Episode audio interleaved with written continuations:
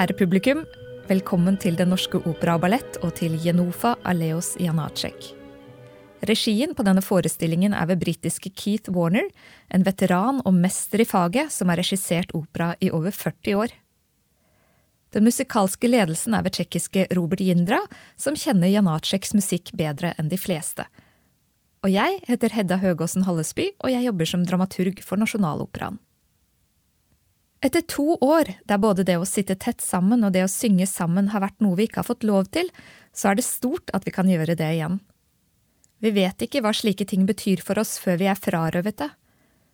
Kanskje tenker vi ja ja, scenekunst og underholdning er jo gøy, men vi kan klare oss uten det. Dessuten skjer det så mye dramatisk i verden at det kanskje ikke er riktig å bruke tid og penger på en kveld i operaen. Jeg tenkte jeg skulle gå ut høyt og si at det dere skal oppleve med Jenofa, beviser det motsatte. Opera er en sjanger med røtter tilbake til det greske teatret. Teatron på gresk betyr å se, og som i en kirke, et tempel eller en moské er teatret et sted for å se oss selv som mennesker i en større sammenheng. Det er et sted for refleksjon og for å hente trøst og for å bli utfordra et sted for å praktisere det å være menneske, rett og slett, og derfor er det livsviktig for oss både som individer og som sivilisasjon, og kanskje er det særlig viktig akkurat nå. I opera møter vi det menneskelige ikke bare gjennom det å se, men også gjennom det å lytte. Operaen dere skal oppleve er på tsjekkisk, og ja, dere kan lese teksten i stolryggene, men jeg tror likevel at dere vil kjenne det er noe her som treffer dere umiddelbart fordi musikk snakker til oss på et nivå bak språket. Og dette er musikk som skapes av mennesker i samme rom som oss, som skaper det her og nå med sin pust, sin kropp og sin stemme uten noen form for teknisk forsterkning. Opera er ikke avkobling, opera er påkobling til noe viktig, til den menneskelige erfaringen og til våre virkeligheter. Jeg tror vi ofte har en tendens til å glemme det. En som ikke hadde glemt det, var komponisten Janacek. Det virkelige livet trengs i opera, sa han, og han var ikke alene om å hevde det i sin tid. Han levde og virket rundt forrige århundreskifte, da operasjangeren ganske nylig hadde gjort en vending fra å være opptatt av guder, helter og eventyr, til å handle om vanlige mennesker og det virkelige livet med alle sine små og store problemer. Det var en tid da Gud var erklært død, men hvor man ble stadig mer opptatt av menneskets nærmest guddommelige dyp. Der Freud graver i menneskesjelen og både fryder seg og skremmes av det han finner. En tid der man sto på terskelen til det som skulle bli den blodigste og mest ødeleggende perioden i menneskehetens historie, men samtidig en tid der kunsten viser sin kraft og sin evne til å fortsette der logikken, bevisstheten og vitenskapen kommer til kort. Ved inngangen til det 20. århundre blir det tydelig at kunsten og det virkelige livet ikke er to ulike ting, men gjensidig avhengig av hverandre. Og Jenofa er basert på det virkelige livet. På to personlige tragedier som hadde fått mye pressedekning.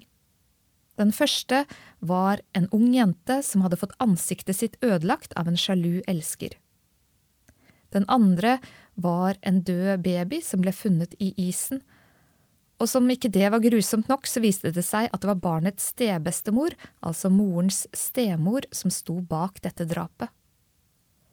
Og de to hendelsene ble utgangspunktet for et drama med tittelen Hennes stedatter, skrevet av journalisten, forfatteren og feministen Gabriela Praisova.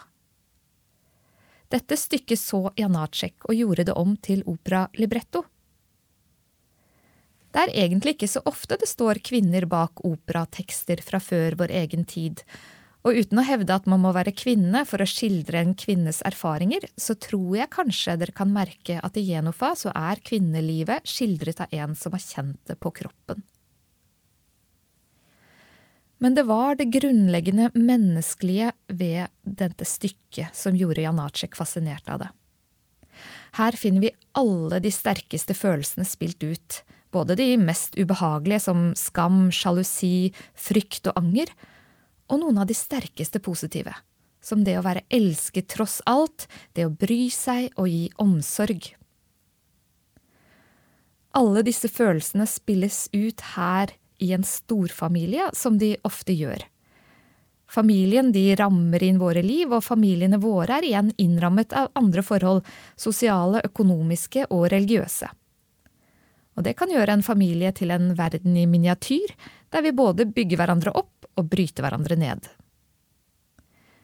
Jeg hørte akkurat en definisjon på familie som a collection of people you owe an apology to. Og jeg synes det er ganske treffende, og det kunne definitivt vært en undertittel på Jenofa. En gruppe mennesker du skylder en unnskyldning. Verket tok Janacek lang tid å skrive hele ni år, fra 1896 til 1902.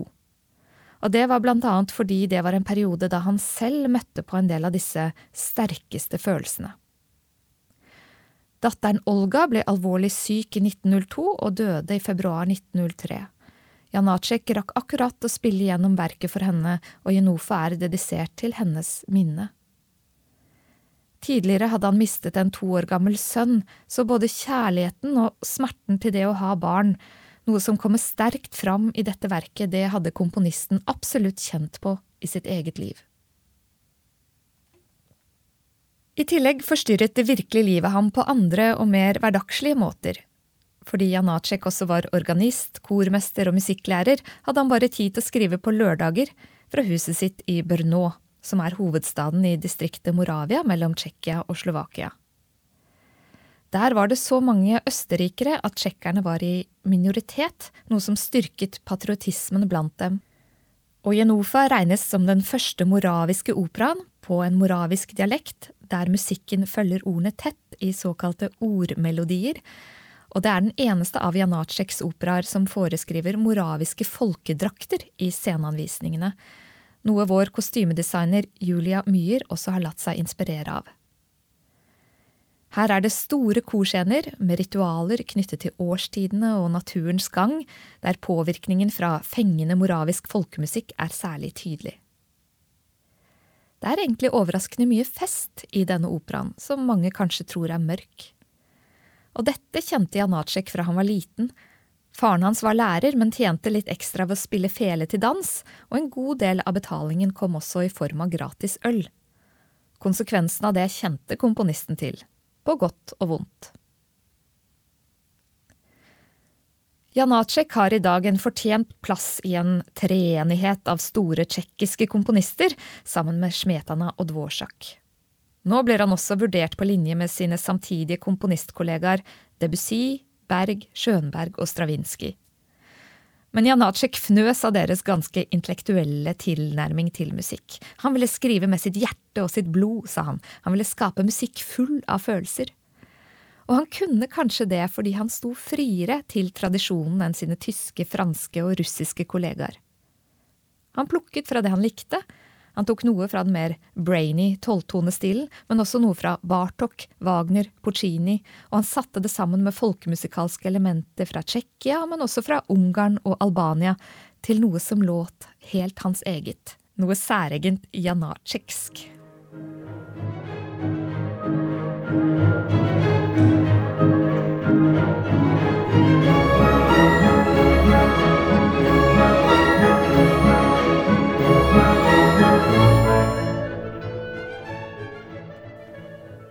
Mot slutten av sitt liv, i 1928, sa Janacek, Jeg har rørt ved strenger som klinger overalt. Likevel så ble han ignorert i hjemlandet sitt og sett på som en kuriositet i utlandet. Genofa ble avslått av operaen i Praha, og Janacek gråt bittert. Fordi en av elevene hans var direktør ved et operaselskap i Brno, så var det der verket fikk sin første premiere, i 1904. Fløytene måtte da lånes fra byens militærkorps, og flere av strykerne var amatører. Men applausen var stor, og forfatteren Gabriela Praisova bukket ydmykt fra sin losje, og Janacek selv ble båret på skuldrene av korister til premierefesten. Likevel tok det elleve år før det ble satt opp i Praha. I 1924, da Janacek var 70 år, så satte statsoppet Berlin opp Jenofa, og samme år hadde verket sin premiere ved Metropolitan i New York. Så det tok sin tid før det internasjonale publikum fikk øynene opp for hva han skapte, men det har de fått nå, et halvt århundre etter hans død, og nå spilles Janaceks musikk over hele verden. La oss høre hvordan denne operaen starter.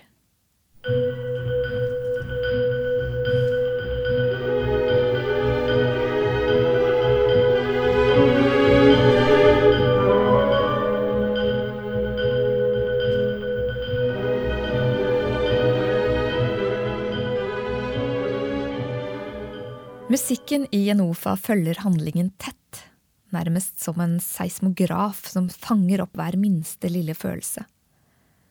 Og det starter med dette veldig korte, lille forspillet, med disse repeterte slagene på xylofon. Slike korte figurer som går og går, det har vært et kjennetegn ved slavisk folkemusikk tilbake til 1600-tallet, og Janacek bygger opp operaen sin med en rekke slike små figurer som dette. Og denne figuren i musikken som dere hørte her, den symboliserer møllen som går og går, og denne møllen er viktig som bakgrunn for drama. Den gir liv til menneskene i den fattigslige landsbyen vi introduseres for, for fossen og møllen gir korn og penger, men den tar også liv, og den blir et uttrykk for noe skjebnebestemt, noe som repeteres og går og går og ikke lar seg stoppe. Noen av dere får kanskje assosiasjoner til en annen dramatiker som lot en historie om menneskets skjebner utspille seg ved en møllefoss, nemlig Ibsen og hans Rosmersholm. Og som i Ibsens stykker så er det som vi i Jenofa entrer historien et stykke inn i handlingen. For det har skjedd en del før sceneteppet går opp, og det rulles opp for oss etter hvert som handlingen skrider fram. Og noe av det som har skjedd, lar regissøren av vår nye produksjon, Keith Warner, seg utspille som en pantomime i det korte forspillet. Operaen heter Jenofa, men undertittelen Hennes stedatter viser til at det egentlig er to hovedpersoner her. Den unge Jenofa og hennes stemor Kostelnitsja, som betyr klokkersken. Hun har jobbet for den lokale kirken og har representert moralen og den rette vei i dette lille samfunnet. Samtidig har hennes eget liv stadig tatt veier som ikke tåler dagens lys.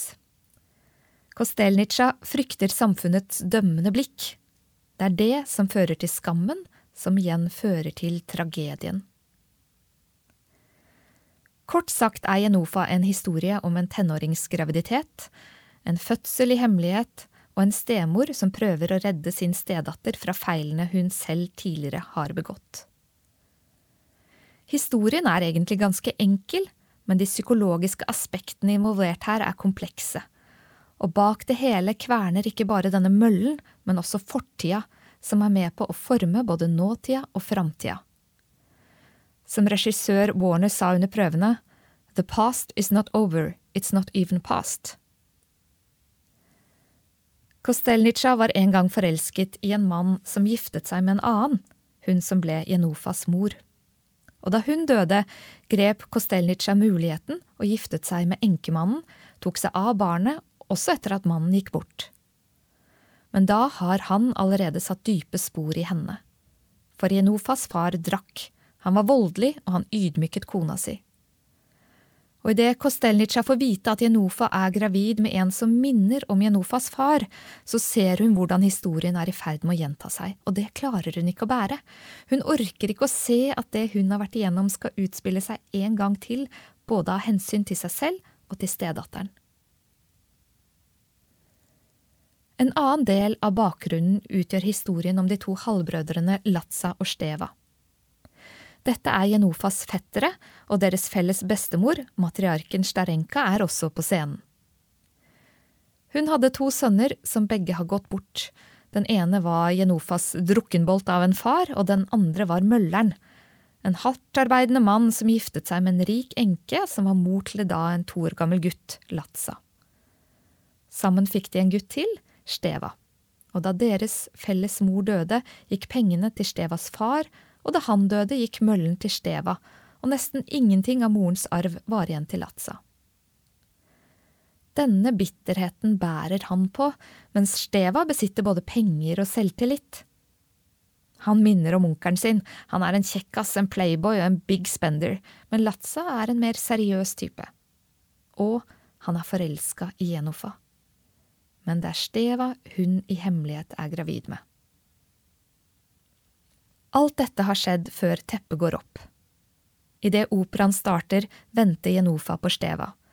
Han er kalt til militærtjeneste, og rekker ikke de å gifte seg i tide og hennes graviditet blir kjent, så vil skam og fordømmelse følge henne for alltid, sier hun.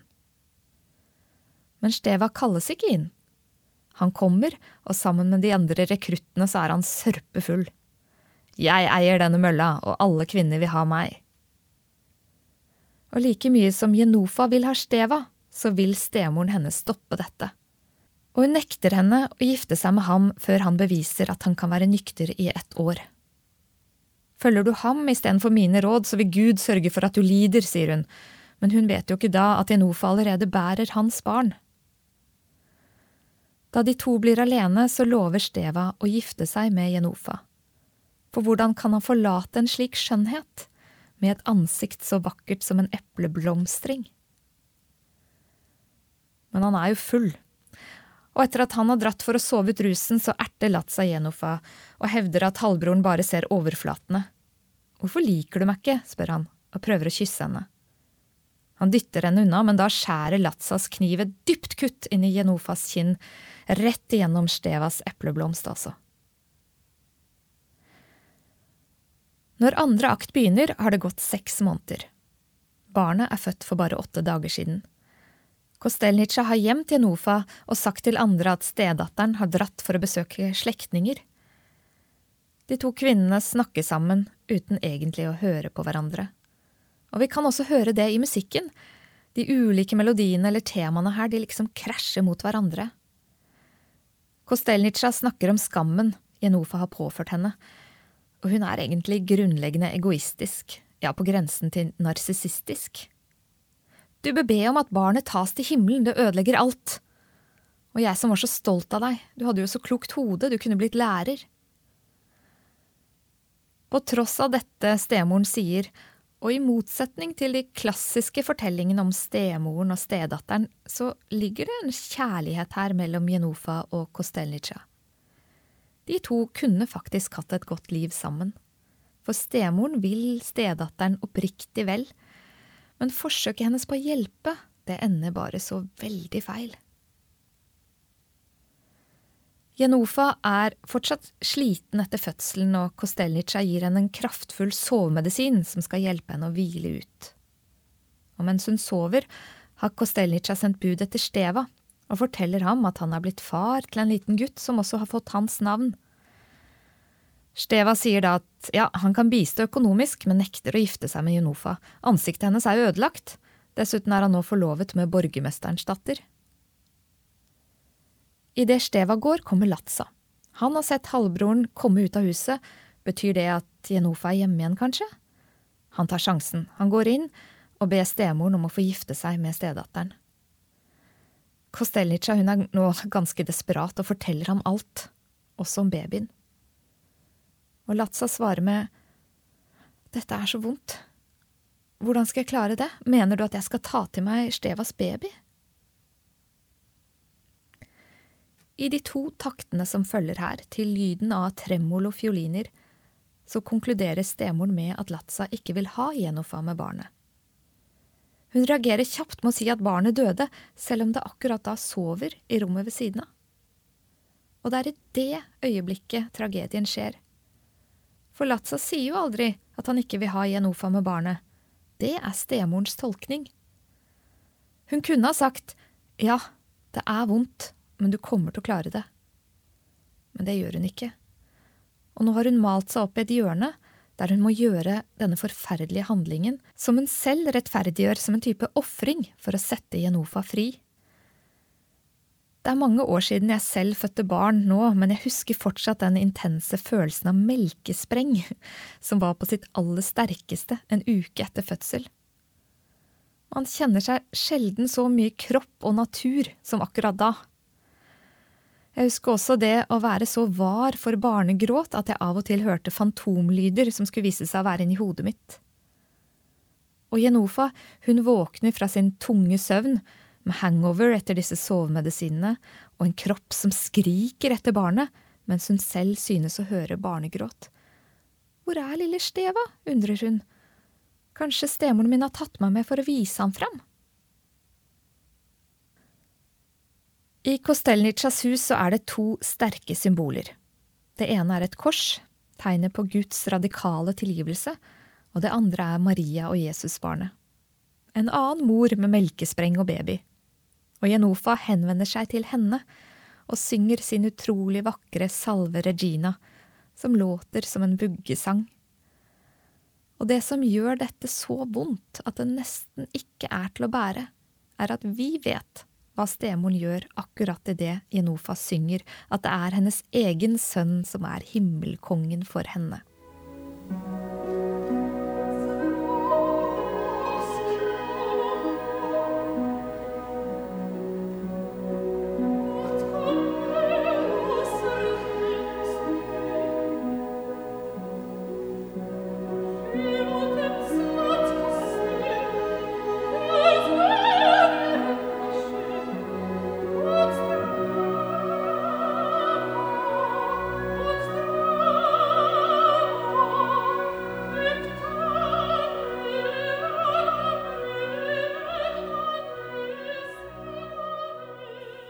Vi er så heldige å ha den fantastiske svenske sopranen Cornelia Beskow i rollen som Jenofa, og det var henne dere hørte her. Da Kostelnica kommer tilbake, så sier hun til Jenofa at hun har sovet i flere dager fordi hun har hatt feber, og at babyen også ble syk og døde. Jenofa reagerer i sjokk, men musikken her er overraskende rolig. Det er som om hun entrer en tilstand der hun bare må overgi seg til andre og den hun overgir seg til, er Latsa, som nå kommer tilbake for å be om hennes hånd. Kostelnica hun ser nå alt klart, hva som har skjedd, hva hun har gjort, og traume kommer til syne også for oss i scenografi og musikk. Og vår produksjon, med scenografi av Jason Southgate, er ganske realistisk, men tar av og til surrealistiske vendinger, der vi får bli med inn i karakterenes indre. Hold meg, ber Kostelnica når hun hallusinerer i angst. I tredje akt har det gått to måneder. Jenofa og Latza skal gifte seg, og idet de kneler, så høres det bråk. Noen har funnet et frossent barnelik i elva.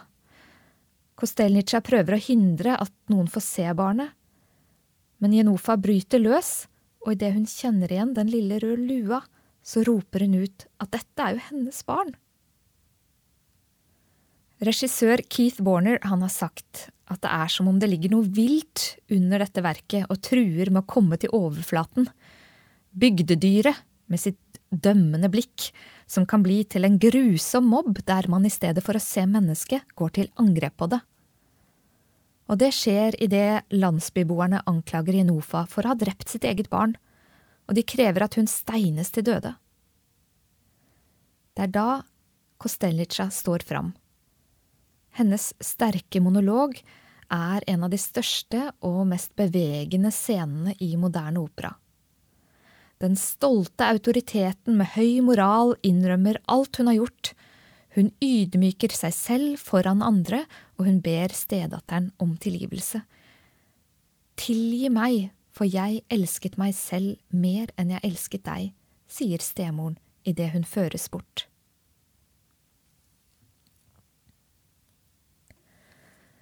Latsa og Jenofa de blir igjen alene. De er gått. Gå du også, sier hun. Men han går ikke, han blir.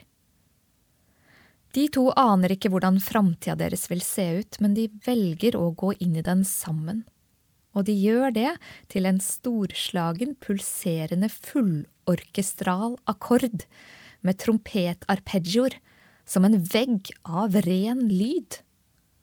Det er som om alle de små, nesten tvangsmessige repetisjonene i musikken her, dette hjulet som bare går og går, nå har funnet et mål.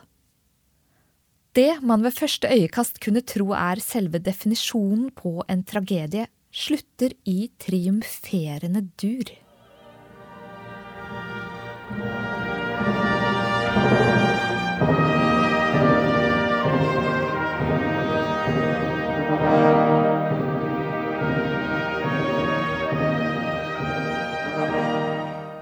Dette verket startet med en kvernende lyd av en mølle, og som en møllestein så legger skammen seg om halsen på disse menneskene, den drar dem ned mot sin egen ødeleggelse. I Markusevangeliet i Bibelen så snakker også Jesus om en mølle i forbindelse med synd. Han sier at den som lokker noen til å synde, heller burde kastes i vannet med en møllestein om halsen. Men i neste setning sier Jesus, Om din bror synder mot deg sju ganger på samme dag, og sju ganger kommer til deg og sier, Jeg angrer, så skal du tilgi ham. Janacek trodde ikke selv på Gud, og Jenofa er ikke et kristent verk. Kristendommens budskap og konsekvenser legger likevel noen rammer for denne fortellingen. For det første så ser vi hvordan trange moralske dommer, synd og skam kan ødelegge individer. Men det handler også om et budskap om en radikal kjærlighet i form av tilgivelse. Det er ingen engler i Genofa. Alle karakterene her gjør feil, og de oppfører seg ganske kjipt mot hverandre. For de er mennesker som oss. De prøver så godt de kan, men de ender med å såre hverandre på en måte som gir varige arr.